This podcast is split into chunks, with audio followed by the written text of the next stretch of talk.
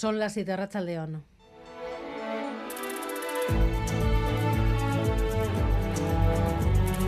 Gambara con Arancha García. 24 horas para su presentación al mundo desde las calles de Bilbao, el mayor escaparate al mundo para este país durante tres días. El tour ya se está haciendo evidente. Aficionados frente a los hoteles a los que ya han llegado los equipos, aficionados dispuestos a disfrutar, llegados de la otra punta del mundo. Los primeros cortes de tráfico también han comenzado. De momento en Bilbao, en la zona del Parque Echevarría. Los balcones de esa zona, la meta de la primera etapa este domingo, un lugar privilegiado y codiciado. Gary Suárez, estás por ahí, Arracha León. Arracha León, Arancha. Bueno, lo primero de todo, una pregunta para los oyentes amantes del ciclismo. ¿Cuánto estarían dispuestos a pagar por poder ver la llegada del Tour desde una cómoda terraza? En la avenida Zumalacárregui, donde estamos, hay a quienes le han ofrecido hasta mil euros. Escuchen. Sí, el propietario de un piso aquí en la avenida Zumalacárregui que le ofrecieron dinero para alquilar la terraza, unos mil euros. Bai, bai, etorri zan mutil bet, da ni balkoien egon nintzen. Da, etorri zan, eh, da, pregunta egin zuen. E, badeko zu alkiletako edo horrelako gauza bat, togur ikusteko. Es sin duda la fiebre del Tour de Francia, un evento tan grande que ya está obligando a realizar cortes desde hoy mismo, a partir de las 8, tanto en la avenida Zumalacárregui como en algunas zonas del Parque Echevarría. Los auxiliares de seguridad llevan trabajando desde las 4 de la tarde.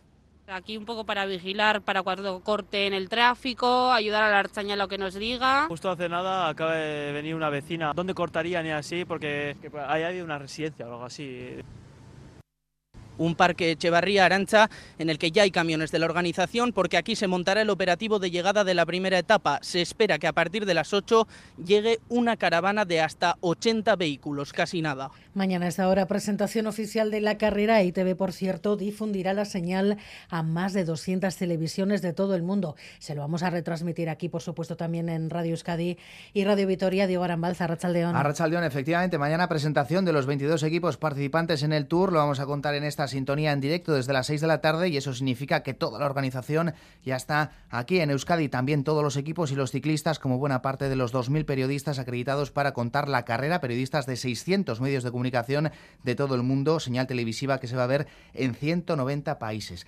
Todo ello en este miércoles en el que se ha sorteado también el calendario de liga en segunda división. Va a comenzar el segundo fin de semana de agosto con el Racing Eibar y el Amorebieta Levante. Va a finalizar el 26 con los partidos Mirandés Amorebieta y Eibar Oviedo.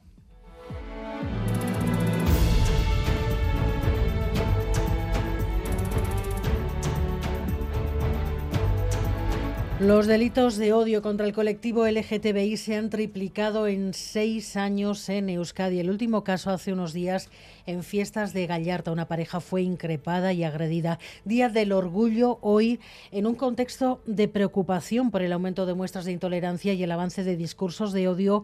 Esta tarde miles de personas han vuelto a salir a las calles para reivindicar los derechos del colectivo LGTBI que mira preocupado a lo que pueda pasar en el Gobierno de España. Por eso piden una ley vasca integral que blinde sus derechos. Una ley integral vasca LGTBI, que en caso de derogación de la ley estatal permitiría que muchos derechos quedaran garantizados en Euskadi. En Bilbao, el desmarque del PP ha impedido que el ayuntamiento aprobara, como todos los años, una declaración institucional porque esta vez incluía un apoyo expreso a la ley trans en las instituciones en las que Vox ha entrado al gobierno decenas de ayuntamientos en España. Varios parlamentos autonómicos se ha obligado a retirar la bandera arcoíris. A día de hoy hay 233 mujeres en situación de riesgo alto por violencia machista. La Archancha va a reforzar la plantilla dedicada al seguimiento y evaluación del riesgo de las víctimas de violencia de género en un 40%. En total, 100 agentes dedicados exclusivamente a esta tarea. Actualmente hay más de 5.000 expedientes abiertos. El anuncio del consejero de Seguridad hoy en Radio Euskadi.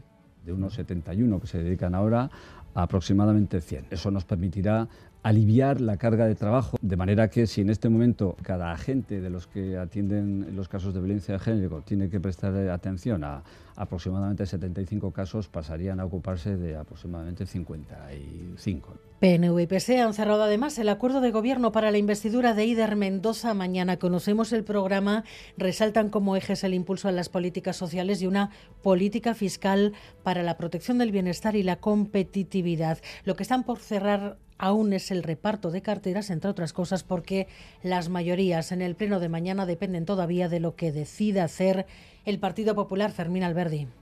Eider Mendoza llegará mañana al pleno de investidura con este acuerdo programático entre PNV y PSE como base de su candidatura. Las políticas sociales y una economía fuerte e innovadora son la prioridad en los 13 puntos acordados por ambos partidos, que aspiran a una tercera legislatura como socios en la Diputación de Guipúzcoa. Se mantendría la actual proporción de carteras forales con algún puesto intermedio más para los socialistas. Todo apunta a que el PP apoyará esta opción de Ider Mendoza para frenar la candidatura de H. Bildu. Las enfermedades de transmisión sexual se disparan. Una de cada cuatro infecciones en jóvenes de 15 a 24 años. La evolución es alarmante, según el Departamento de Salud.